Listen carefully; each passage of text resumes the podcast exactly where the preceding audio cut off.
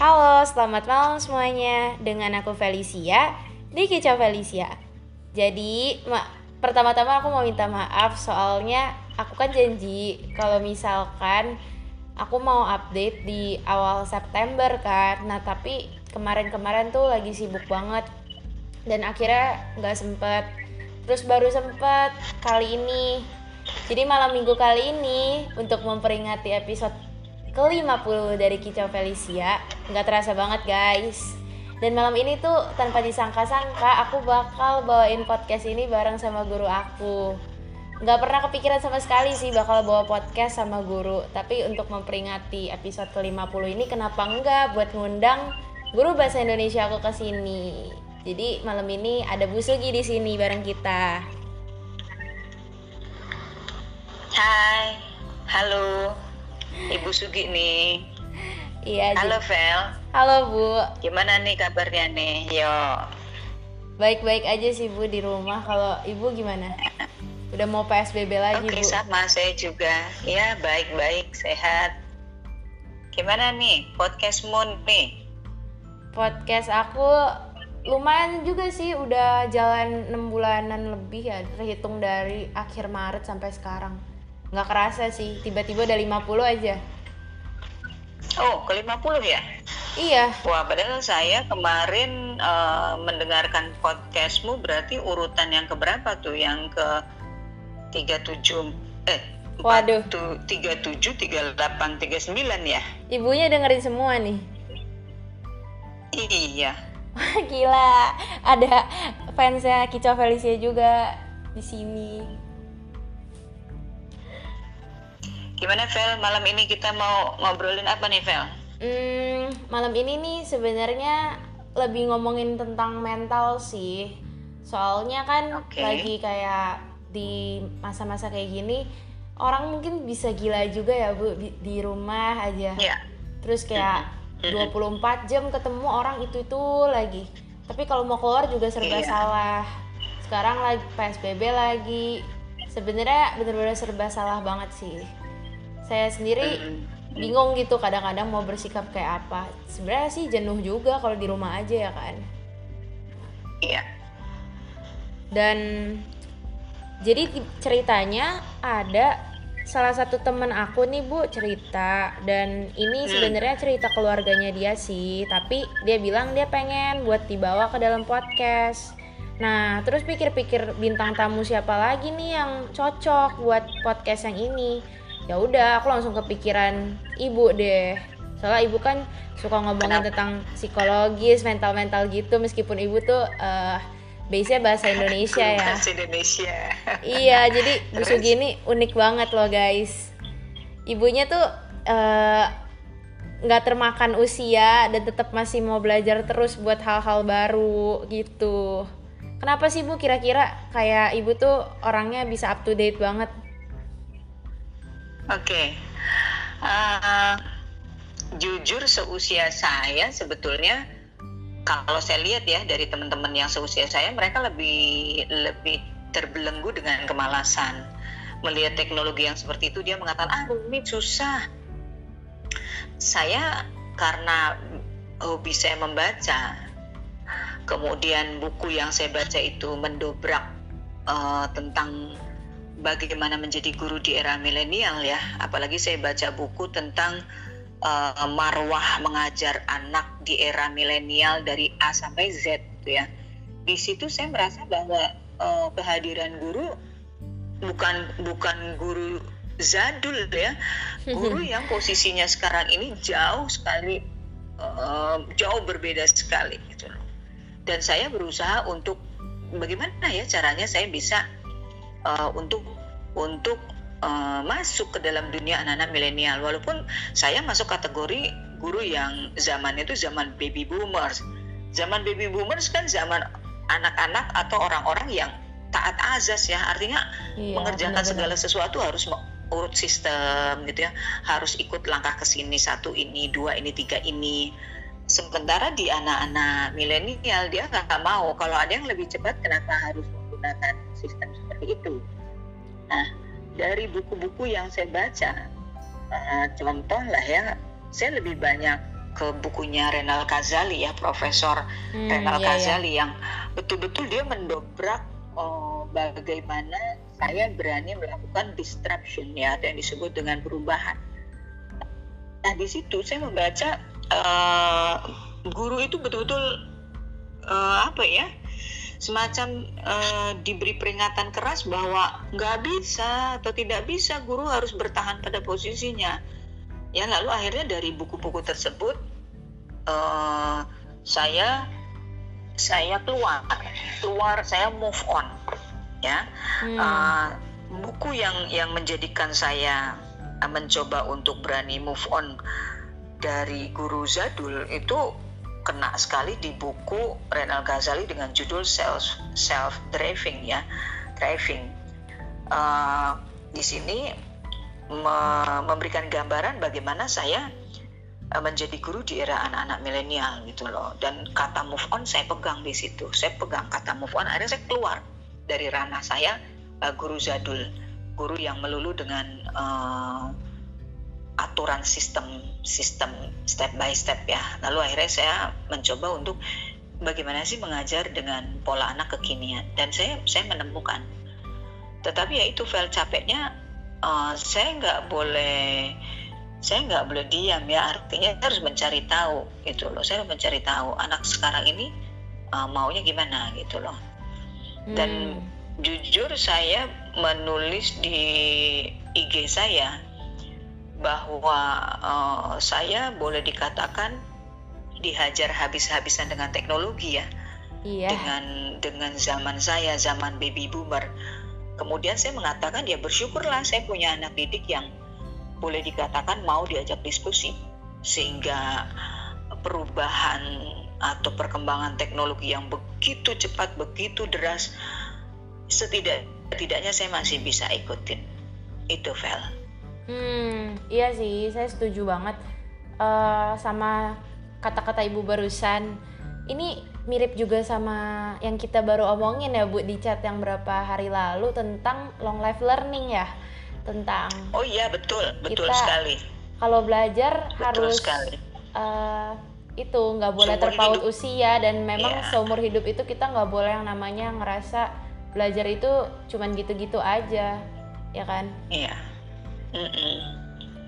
Ya kebetulan eh, buku-buku uh, yang saya baca itu lebih banyak tentang psikologi ya, bagaimana uh, saya menjadi guru dan bagaimana saya menjadi orang tua gitu loh, Vel. Iya sih. Karena uh, jujur saya menjadi orang tua untuk anak-anak milenial.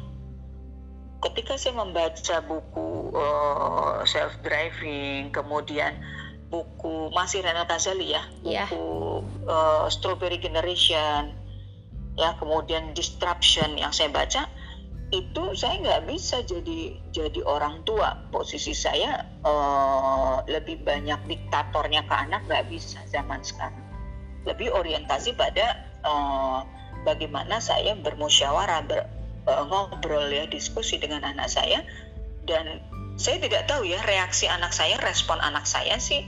Dia mengatakan, ih asik banget gue punya emak kayak gini gitu loh. Artinya nggak nggak jadul banget gitu ya. Artinya kekinian kata anak-anak saya loh ya. Karena setiap kali anak saya iya, bercerita yeah, yeah. kepada saya respon saya tidak respon tidak respon melarang tidak. Tetapi saya coba uh, memikirkan dulu apa yang akan dia uh, inginkan. Kemudian saya coba untuk menyelaraskan dengan kondisi keadaan yang ada dan uh, di situlah anak saya merasa bahwa uh, emakku ternyata uh, emak yang kekinian gitu. Artinya tidak terlalu mengekang gitu ya. Dan selalu memberikan ruang kepada anaknya untuk bagaimana dia melangkah gitu loh. Bahkan tidak jarang saya memotivasi anak saya bahwa untuk menjadi anak muda sekarang saya katakan jangan lemah gitu loh dan kemampuan untuk uh, networking, kemampuan untuk berkreativitas, saya katakan itu nomor satu, nomor satu sekali. Dan saya katakan pada saya bahwa uh, orang orang sekarang atau anak-anak sekarang ini jauh lebih pada uh, anak-anak kreatif. Saya katakan berkreatif lah, berkreativitas lah. Itu, itu Vel. Hmm, ya sih, bener banget. Saya setuju banget dibandingkan eh, banyak banget guru yang seumuran sama ibu. Ibu termasuk yang paling up to date lah. Karena ibunya sendiri juga emang demen baca demen belajar terus gitu. Kebetulan saya sendiri juga sebenarnya suka sih masalah ngomongin mental sama psikologis gitu-gitu. Tapi saya sendiri eh, nggak ngambil apa jurusan itu sih nantinya. Cuman eh, ada ada ketertarikan kayak gitu. Karena menurut saya juga ini adalah masalah yang nggak boleh dianggap sepele gitu. Apalagi di Indonesia kita juga tahu ya kayaknya masalah tentang kesehatan mental itu belum terlalu diperhatiin banget gitu. Masih dianggap hal tabu kayak pergi ke psikolog dianggap hal tabu gitu-gitu. Jadi Iya. saya Iya, meskipun nggak jadi Iya. anak psikolog gitu saya pengen banget gitu eh, bisa ngelakuin sesuatu lah mungkin buat temen-temen seusianya saya ini. Makanya itulah kenapa saya seneng banget nih ada satu orang yang cerita ke saya dan eh, jadinya saya juga pengen minta pendapat ibu sih tentang masalah ini. Karena hmm, saya rasa saya nggak bisa ngasih solusi yang baik buat ceritanya dia ini. Dan Oke. eh, saya bacain ya bu ceritanya Oke. Oke, ini nama samaran. Nama aku Ya. Anissa. Aku umur 16 tahun. Aku kelas 2 SMA. Aku punya tiga saudara. Aku punya kakak cewek, adik cowok, dan aku anak broken home. Aku pengen banget cerita ini ke seseorang karena sakit banget nahan sendiri. Aku ini ngerasa nggak diperlakuin adil. Mama cenderung nggak peduli aku mentally, mentally. Mama dan papa cerai saat aku umur 12 tahun. Dan semenjak itu, mama selalu merhatiin kakak aku sama adik aku. Kakak selalu diperhatiin karena kata mama, kakak yang paling sedih di antara aku sama adik aku. Karena dulu kakak aku yang nontonin mama disakitin papa dan mama juga peduli sama adik aku yang umurnya masih kecil banget karena dia masih kecil banget waktu mereka cerai. Kakak selalu dapat perhatian mama. Kakak selalu jadi prioritasnya mama. Kalau kakak diem dikit, mama langsung panik. Kadang aku sedih sih mikirnya, karena mama kayaknya selalu mikirin kakak doang yang sakit hati. Padahal, aku juga shock banget karena harus kehilangan papa saat itu. Mama selalu bilang kalau hidup aku enak. Aku disayang keluarga papa. Sedangkan kakak enggak. Semua yang kakak mau, mama selalu turutin. Aku pernah cerita ke mama kalau aku sering banget overthinking. Dan semenjak itu, setiap aku ngomong sesuatu, mama selalu bilang, Gak usah overthinking deh, dek. Aku jelas sakit hati banget. Mama malah ngomong kayak gitu ketimbang bantuin aku stop overthinking.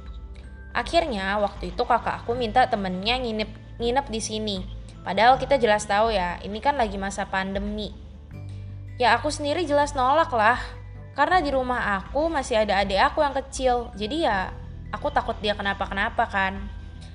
Nah, anehnya kakak aku waktu itu malah bilang, gue tahu lu nggak punya temen, makanya lu iri. Dan bukannya belain aku, mama malah bilang kayak gini, kamu tuh terlalu overthinking dek. Aku marah banget kan akhirnya. Jadi aku bilang ke mama, mah, walaupun aku emang sering overthinking, nggak setiap saat aku overthinking mah. Terus akhirnya aku nangis di kamar sendirian. Karena aku stres, stres banget. Nggak ada yang support aku. Aku adalah yang paling deket sama mama dulu. Tapi sekarang jadinya yang paling jauh. Makin ke sini, aku makin gak suka sama tempat yang banyak orang. Padahal dulu aku yang paling suka keramaian. Aku gak suka sekarang mesti sapa-sapa orang. Jadi belakangan ini aku sering nangis. Nah, makasih ya udah ngasih aku platform buat mengeluarkan unek-unek ini. Jadi gitu Bu, ada yang cerita kayak gitu. Boleh tahu, Vel, cowok apa cewek nih, Vel? Ini cewek sih Bu. Cewek ya. Mm-mm, cewek. Jadi anaknya tiga cewek semua ya? Tiga cewek semua ya? Kayaknya iya sih. Dia oh kakaknya cewek, adiknya cowok, dianya cewek. berarti cewek cewek cowok Oh, dianya anak cewek-cewek tengah cowok gitu ya. Iya, iya, iya. Eh, yang yang dia permasalahkan ini kegelisahan hati dia atau dia merasa tidak di tidak diberi kesempatan untuk mendapat perhatian ya, Vel? yang dia permasalahkan tuh lebih kayak dia merasa kenapa mamanya itu terlalu prioritasin kakaknya sama adiknya dia nggak terlalu diperhatiin dianggapnya kayak selalu baik-baik aja soalnya mamanya itu ngerasa tadi kan dia bilang mamanya ngerasa kalau kakaknya itu butuh banyak perhatian karena keluarga Iya. papanya itu nggak terlalu suka sama Iya, kakaknya sedangkan adiknya itu masih kecil jadi dia dianggapnya ya nggak butuh apa-apa gitu Oke, iya. Eh, kalau saya lihat dia kelas 2 SMA perempuan gitu ya. Mm-mm. Kemudian dia juga punya kakak perempuan juga. Eh, kadang gini, Vel. Eh, anak kedua itu memang pengalaman saya ya, karena anak kedua itu memang beda. Iya Ya. sih. Anak kedua secara umum saya lihat beberapa anak, maksudnya cukup banyak juga sih anak-anak nomor dua ya, anak nomor dua ini kadang dia eh, apa ya eh, lebih berani melakukan segala sesuatu hal dibanding kakaknya, Hmm. itu loh. Kemudian untuk anak pertama ini cenderung orang tua, terutama mama ya.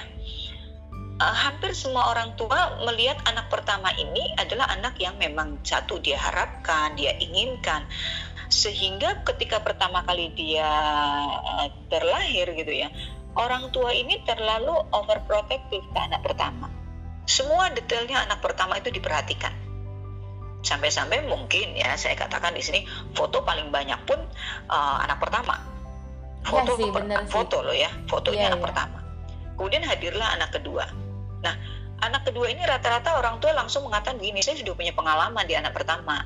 Pengalaman dalam artian membesarkan uh, dari bayi gitu ya sampai dia besar gitu loh. Hmm. Sehingga kadang anak kedua ini oleh seorang mama ini lebih cenderung mengatakan, ya udah aku punya pengalaman, aku bisa lah mengasuhnya. Kadang saya lebih mengatakan banyak kelonggaran-kelonggaran yang uh, dilakukan oleh anak kedua ya dari seorang ibu gitu loh. Sehingga akhirnya uh, pola pikir saya anak kedua ini uh, dia lebih lebih mau menunjukkan uh, pola tingkah dia agar dia mendapat perhatian mamanya gitu. Karena memang anak pertama hampir semua orang tua ya, terutama ibu-ibu ini uh, sangat detail memperhatikan anak pertama gitu loh. Dan ketika anak pertama ini uh, misalnya ya di ya ambil contoh lah dibully oleh anak yang kedua gitu ya. Ini kadang uh, hati pun lebih lebih melihat ke anak pertama. Nah ditambah dengan kasus bahwa anak pertama ini dia uh, lebih banyak yang tahu bagaimana uh, mamanya ini disakiti oleh papanya. Di sini ada semacam ada semacam perasaan bersalah dari seorang mama sehingga akhirnya mama ini lebih lebih banyak memberi perhatian ke kakaknya mungkin tujuannya untuk untuk uh, menghapus luka lama Hmm, iya, iya. untuk menunjukkan kepada anak pertama bahwa uh, ketika papa melakukan hal seperti itu dulu yang kamu lihat toh mama masih bisa lebih memberikan kasih sayangnya kepada kamu gitu loh. Ke, ke anak yang pertama iya, ini iya, Vel. iya. Bener, gitu bener. loh. Ini sebetulnya ada semacam perasaan bersalah dari mamanya sehingga akhirnya si mama ini bagaimana mencoba dia memberikan perhatian lebih kepada kepada anak yang pertama ini. Nah si mama lupa bahwa dia punya anak kedua yang juga sama-sama harus eh, mendapat perhatian. Itu kalau menurut saya mungkin komunikasi ya Vel. Komunikasi antar keduanya. Komunikasi sebetulnya. Karena kalau saya lihat anak yang pertama ini juga eh, dia kurang menyadari bahwa eh, dia punya adik ya. Iya, yang mungkin seharusnya ngerasanya eh, sebagai lebih superior ya gitu seharusnya ya. sebagai kakak ini sebagai kakak ini eh, melindungi sebetulnya. Itu loh. Saya tidak tahu karena faktor kondisi uh, faktor kondisi atau mungkin uh, dia merasa bahwa saya lebih banyak diperhatikan mama dibanding dia gitu ya. Lalu timbullah jealous dari adiknya. Kok mama lebih banyak ke kakaknya? Maka si anak kedua ini berpola nah hanya sangat disayangkan polanya justru introvert ya narik diri gitu loh. Iya ya. Padahal rata-rata anak kedua itu eksploral ya. Jadi dia lebih lebih menunjukkan lebih keluar gitu loh. Dia lebih keluar harusnya anak kedua rata-rata ini. Tapi kenapa dia introvert gitu loh? Dia narik diri nih. Nah saya tidak tahu apakah karena menarik dirinya dia lebih kembali menyayangi ke adiknya yang kecil ini atau memang dia merasa ya udah aku nggak diperhatiin. Sudah lah lebih baik aku diam aja ngapain toh banyak bicara aku pun tetap dianggap salah gitu loh. Apalagi iya, ada iya. sebutan tadi apa Vel? Overthinking uh, ya overthinking gitu loh overthinking. Mm -hmm. sebetulnya menurut saya uh, tidak juga ya. Usia SMA itu kan kelas kelas 11 ya. Iya. Itu usia sensitif loh emosionalnya meletup-letup loh. Salah sih. bicara saja sudah mereka tanggapannya sudah berbeda soalnya gitu. udah bisa mikir kebetulan juga anak sih saya anaknya dua. ya kebetulan anak saya dua. Yang kedua ini uh, dia lebih lebih keluar ya.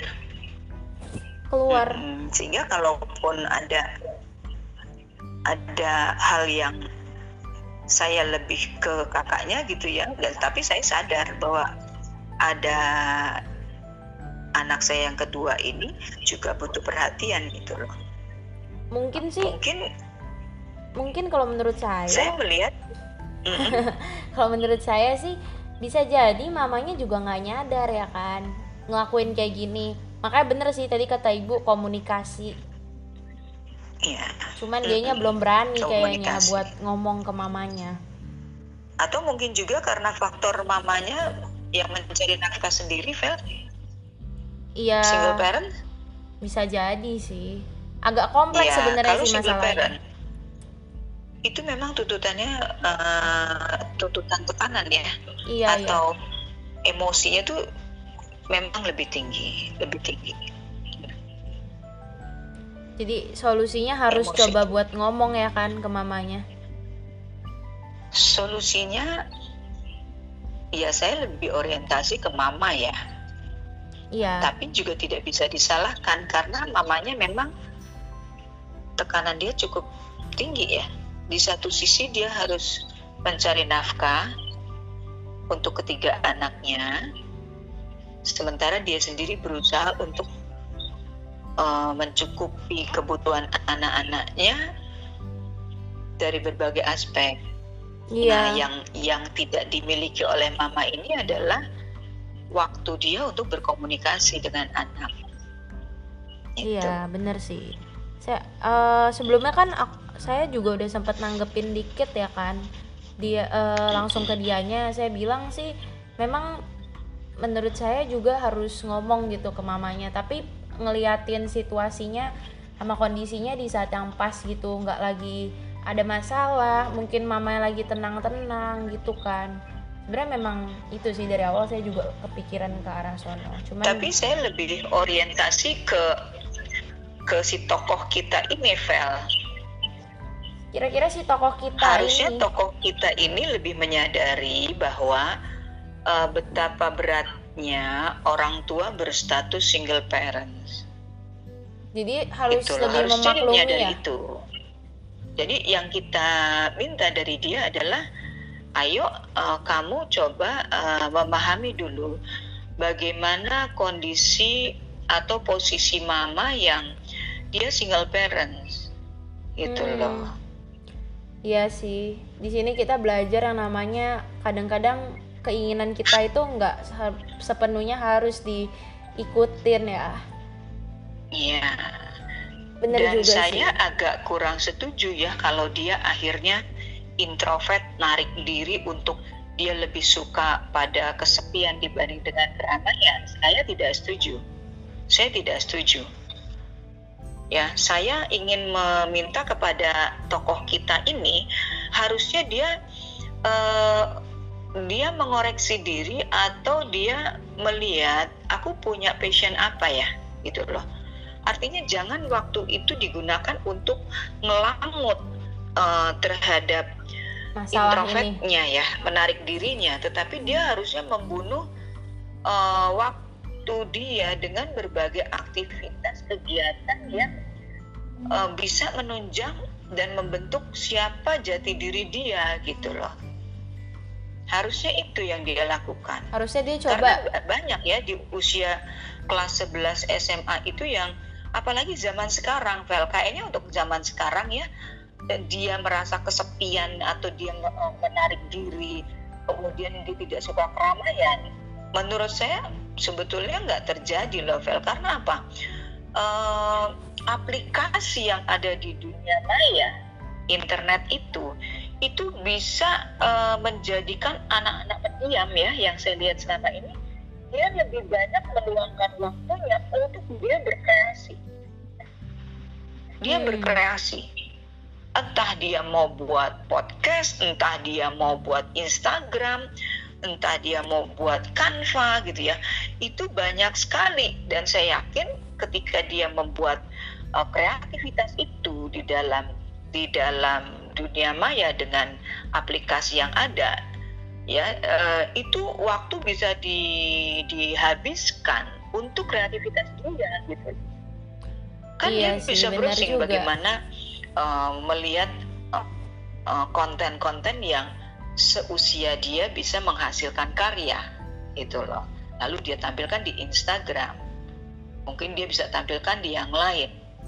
Ini sebetulnya tidak harus terjadi untuk anak seusia dia gitu loh. Atau bisa juga dengan cara begini. Uh, apa yang dia rasakan dia bisa ungkapkan kok file melalui melalui Instagram entah itu dengan Canva entah itu dengan berbagai tulisan yang ada di dalam di dalam Instagram dia gitu loh. Jadi maksudnya saya yakin itu bisa tersalurkan energinya ya saya maksudnya kayak dia gitu loh. perasaannya itu bi mungkin bisa dituang menjadi ini ya menjadi bisa, tulisan bisa, malah menjadi bisa, karya gitu. bisa bisa banget dengan kalau segala keterpurukan ini harusnya Karena dia malah sebagai contoh ya mm -mm. saya pernah uh, saya mencoba membuka uh, apa itu rahasia mohon maaf kalau saya sebut ya ini salah satu Instagram yang ada yeah. itu ada rahasia gadis yeah, nah yeah. di rahasia gadis ini ternyata si anak tersebut dia bisa uh, bercerita di dalam Instagram dia, entah itu melalui Canva atau yang lain, tentang apa saja yang dia tahu sedikit sebetulnya, tetapi dia berani mengungkapkan di situ. Itu loh, Vel. Hmm, iya Dan sih. ini menurut saya kalau dia berani ya, cantik sekali ceritanya itu. Bagus banget kalau menurut saya. Jadi kita itu sebagai manusia mesti pinter-pinter cari peluang ya Bu di antara apa sih mungkin misalkan kita lagi ada masalah atau apa kita harusnya nggak boleh terlalu pikirin masalahnya cuman malah cari peluang yang lain ya iya kita kita kita habiskan waktu itu dengan meluapkan uh, entah itu dengan cara menulis entah itu dengan cara menggambar ya. Itu bisa kok bisa kok bisa menurut saya. Jadi si tokoh kita ini sebetulnya dia jangan jangan uh, terselubung atau mendekam dengan dengan uh, waktu keluh kesah dia ya dunia iya. keluh kesahnya dia harus mendobrak diri untuk keluar dari uh, dunia keluh kesah dia karena zaman sekarang ini saya meyakini sekali segala unek-unek itu bisa dilontarkan dalam bentuk gambar dalam bentuk tulisan gitu loh. Ya, Apalagi sih. kalau misalnya di Instagram dia berani bercerita dengan dengan uh, gaya dia bercerita itu saya yakin yang like banyak itu pasti itu. Jadinya dapat dukungan tapi mungkin dari tempat lain gitu ya, tetap ngerasa iya. ya seenggaknya nggak ngerasa iya. sendiri dan kesepian gitu. Memang benar sih. Iya. Kadang Iya. Kita juga pasti bakal punya kekurangan. Mungkin orang yang diperhatiin banget sama keluarganya di luar belum tentu dihargain sama temennya gitu-gitu sih ya. jadi berarti Iya. dia bisa dibilang harus cari pelarian lain lah ya untuk mendapatkan perhatian Iya. yang kurang itu dan memaklumi situasi Iya. yang memang dialami sama keluarga dan mamanya ini. Oke, tidak usah jauh-jauh ya, Vel. Contoh kamu lah misalnya, ketika kamu buat podcast, kemudian yang mendengarkan banyak, ya, itu kan sebuah kebahagiaan tersendiri kan, yang nggak bisa didapat orang lain gitu loh. Nah, Iya. ketika tulisan dia, gambar dia atau kanva dia di dalam Instagramnya itu, kemudian banyak yang eh, nge-like gitu ya, saya yakin dia akan terhibur di situ dan dia akan eh, senang sekali bahwa oh aku diakui oleh orang lain gitu loh. Bener sih. Saya Itu. tadi setuju Mm-mm. banget. Soalnya awalnya saya bikin podcast ini kan awalnya juga dari tulisan. Itu juga dari keluh kesah, bener dari kayak Iya. sayanya ngerasa eh, pengen mengungkapkan gitu. Terus mungkin kalau cerita ke teman itu kayak ya sekedar cerita aja. Jadi kenapa enggak coba buat bener-bener menyebarluaskan siapa tahu ada orang di luar sana yang memang ngebutuhin juga karena siapa tahu kita senasib dan ternyata ya Iya, memang benar sih iya. jadi buat teman-teman yang lain yang mungkin dengerin podcast ini juga kalau kalian memang lagi ada masalah apa apa pun nih ya kalian mm, coba buat mikir dari other side-nya gitu. Jangan dilihat dari satu sisi kalau misalkan kena masalah itu pasti hal yang buruk. Tapi coba aja gitu dipikirin. Kira-kira kalau aku ngerasa kayak gini mesti gimana ya caranya biar eh, mengatasi masalah itulah. Nah kalau aku sendiri kan tadi kayak dari keluh kesah aku pengen cerita tentang apa yang aku alamin society sekarang gimana akhirnya aku kan bangun podcast ini. Dan itu memang kerasa banget gitu da- dampaknya. Kerasa lebih aura energi positif gitu. Oh ternyata hmm, ada juga yang ngerasa senasib. Terus banyak juga dengerin sama kayak tadi kata ibunya bilang. Jadi kalian mesti coba sih buat berkarya. Iya, iya. Kalau bahasa saya, saya mengatakan kalau saya mengatakan pada anak saya begini, "Eh, ketika kamu dalam kondisi seperti ini, tidak boleh ke mana-mana gitu ya. Kemudian eh, kamu bingung mau apa kan gitu. Ini pasti ditemui oleh anak. Saya Iya. mengatakan passion kamu apa? Gitu. Lalu eh, kebetulan anak saya yang pertama hobinya lukis ya. Hobi eh, anak saya yang pertama lukis. Kemudian saya katakan, ayo kak, bunuh waktumu gitu. Jadi saya menggunakan, mohon maaf kata kata membunuh waktu ya. Bunuh waktumu Iya, iya. dengan kamu buat lukisan. Ya, karena sekarang proses pembelian segala segala sesuatu dengan online kan mudah ya. Akhirnya ya anak saya beli kanvas gitu ya, mulai dari kanvas kecil sampai kanvas besar gitu. Kemudian dia torehkan dan eh, habis dia dia mengatakan itu kok tiba-tiba udah sore ya, padahal aku belum selesai. Dan itu eh, terlihat sekali, terlihat sekali oleh saya sebuah kebahagiaan yang dia bisa menorehkan dan bermain dengan warna-warna yang ada gitu ya. Eh, selesai dari situ kemudian dia tumpuk begitu saja. Saya katakan "Eh, jangan jangan ditumpuk. Eh, kamu tidak akan lihat bagaimana karyamu. Jadi saya cari satu satu dinding yang kemudian dari lukisan-lukisan dia saya tempel di situ saya tidak peduli mau itu eh, cara menempelkannya bagaimana tapi saya lebih suka kadang-kala saya lebih suka pada yang abstrak ya artinya jangan jangan terlalu rapi banget lah gitu loh abstrak. Iya sih benar ketika orang namanya lain juga melihat, ini akan menyenangkan itu untuk anak yang pertama ya. Eh, saya katakan bunuh waktu dengan dengan passionmu. Kebetulan dia hobinya eh, melukis.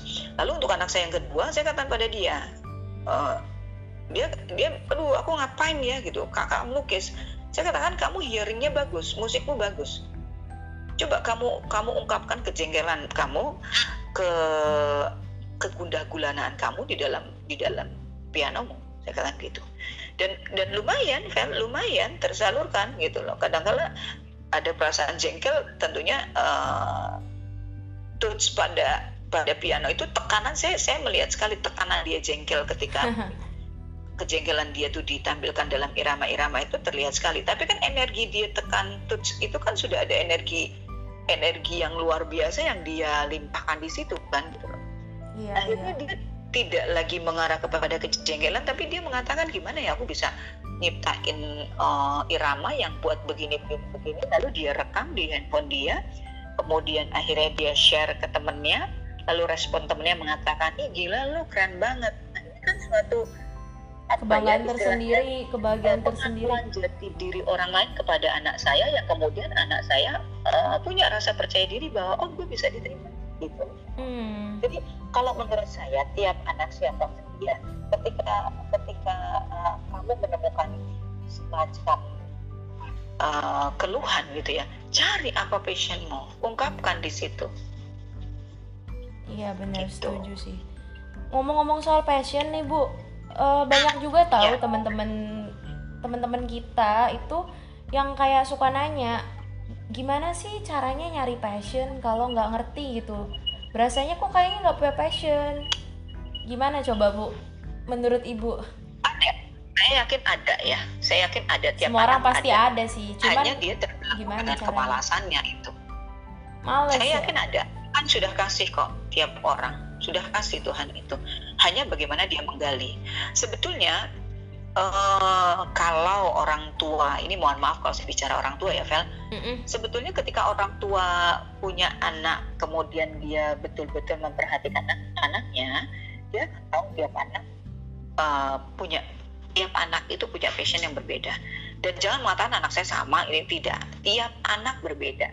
Kembar pun dia punya perbedaan nah kalau memang orang tua ini betul-betul memperhatikan uh, siapa anak saya, bagaimana anak saya, senangnya ngapain anak saya, itu bisa terlihat sebetulnya karena passion anak ini uh, kalau orang tua yang menyadari itu sebetulnya bisa didukung, gitu.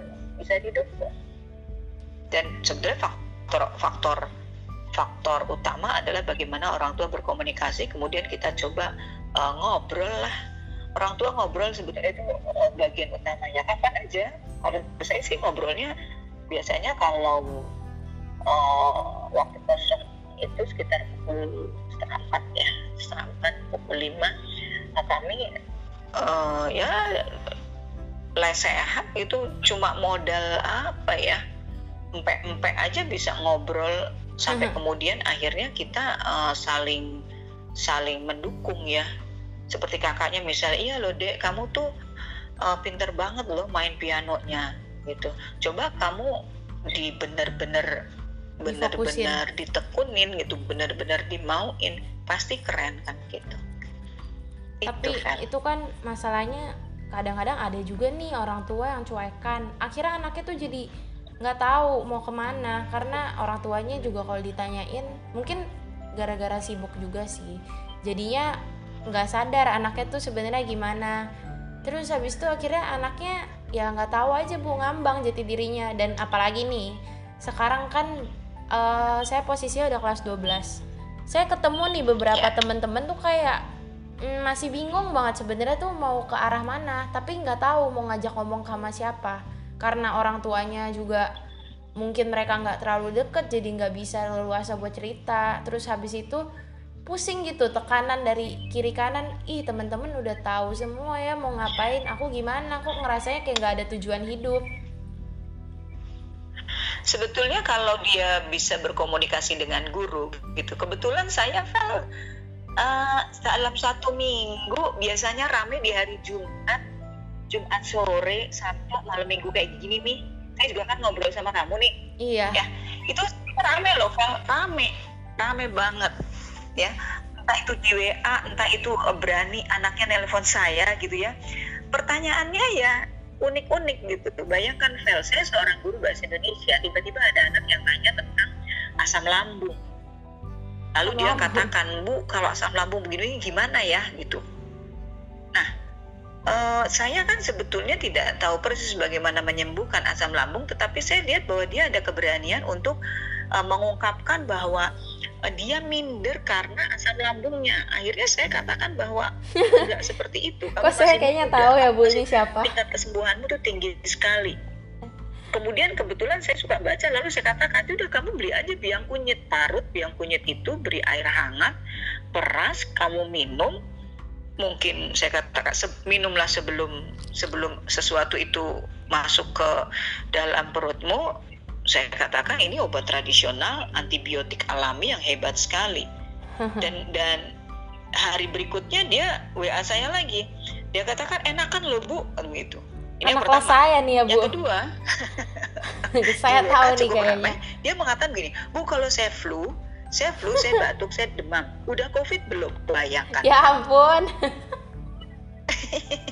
Tapi lucu-lucu juga sih. Jadi buat saya itu kalau dia bisa berkomunikasi atau mempercayakan ada satu guru yang kemungkinan bisa diajak berkomunikasi, ini lumayan. Kebetulan kalau Feli mengatakan teman-teman saya kelas 12 dan saya kan memang total mengajar kelas 12 ya. Iya. Banyak loh. Gitu loh. Kemarin Jumat kemarin sampai pukul berapa itu ya? Eh, Jumat Ya, Jumat kalau tidak salah. Jumat sampai pukul berapa ya? 4 ke 5, pukul 5. Uh, selesai belajar kan pukul 1. Pukul Hmm. 1 ya. Iya, iya. Ya, itu dua anak uh, ngobrol dengan saya dengan waktu yang berbeda tentunya. Sama, saya lelah, Bu, dia katakan. Saya lelah, saya nggak tahu saya mau ngapain dan saya nggak ada respon untuk lain-lain karena saya merasa ngapain ya gitu. Ternyata kendala dia ada di mana coba? Dia hanya ingin gimana caranya aku bisa masuk PTN. Nah, saya Hmm. dobrak di situ. Mohon maaf, tidak berarti saya menjatuhkan. Saya mengatakan PTN tidak segala-galanya. Banyak orang lulus dari PTS yang kemudian berhasil. Tinggal bagaimana saja, bagaimana cara pandang kamu terhadap uh, PTN dan PTS gitu loh. Iya. Itu. Saya kemarin juga sempet lihat video di home YouTube gitu. Katanya PTN sama PTS sama aja susah cari kerja. Terus habis itu saya belum klik sih, cuman lucu gitu judulnya. Jadi kesimpulannya kembali lagi ke kita, Vel. Simpulannya Kitanya kembali ke kita. atau enggak. Bagaimana kita mengolah mengolah cara waktu pandang kita ya. Bagaimana kita mengenal diri kita gitu loh. Bener sih, Gitu. segala sesuatu tuh eh, nggak bisa dipandang sepenuhnya buruk atau baik ya ketika kita pikir-pikir lebih dalam. Pasti kita kayak dapet hikmahnya, terus jadinya eh, nge- bisa ngedapetin sesuatu tergantung kitanya maunya gimana kan ya. Iya, bagaimana Andai kita banyak melihat diri orang kita, apa kekurangan dan kelebihan diri kita. Kekurangannya kita tutupi dengan kelebihan kita, tapi rata-rata anak-anak kan lebih mendominasikan kekurangan dibanding kelebihan gitu. Mm-mm, Padahal seharusnya uh, kekurangan itu kita poles, lalu kelebihan kita lah yang kita angkat. Tuhan itu luar biasa, pasti dikasih kelebihan dan kekurangan itu.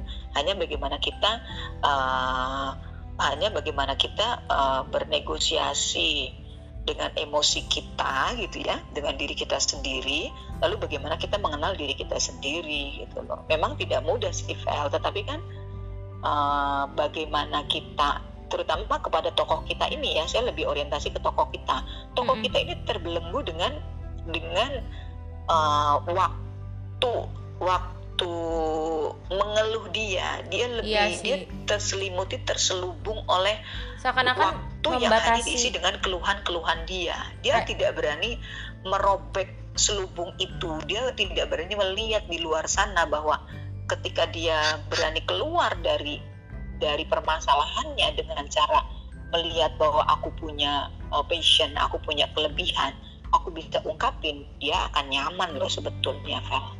Dia akan bisa menjadi diri dia sendiri yang tidak terbelenggu dengan uh, dengan uh, apa ya tadi keluhan-keluhan dia gitu loh.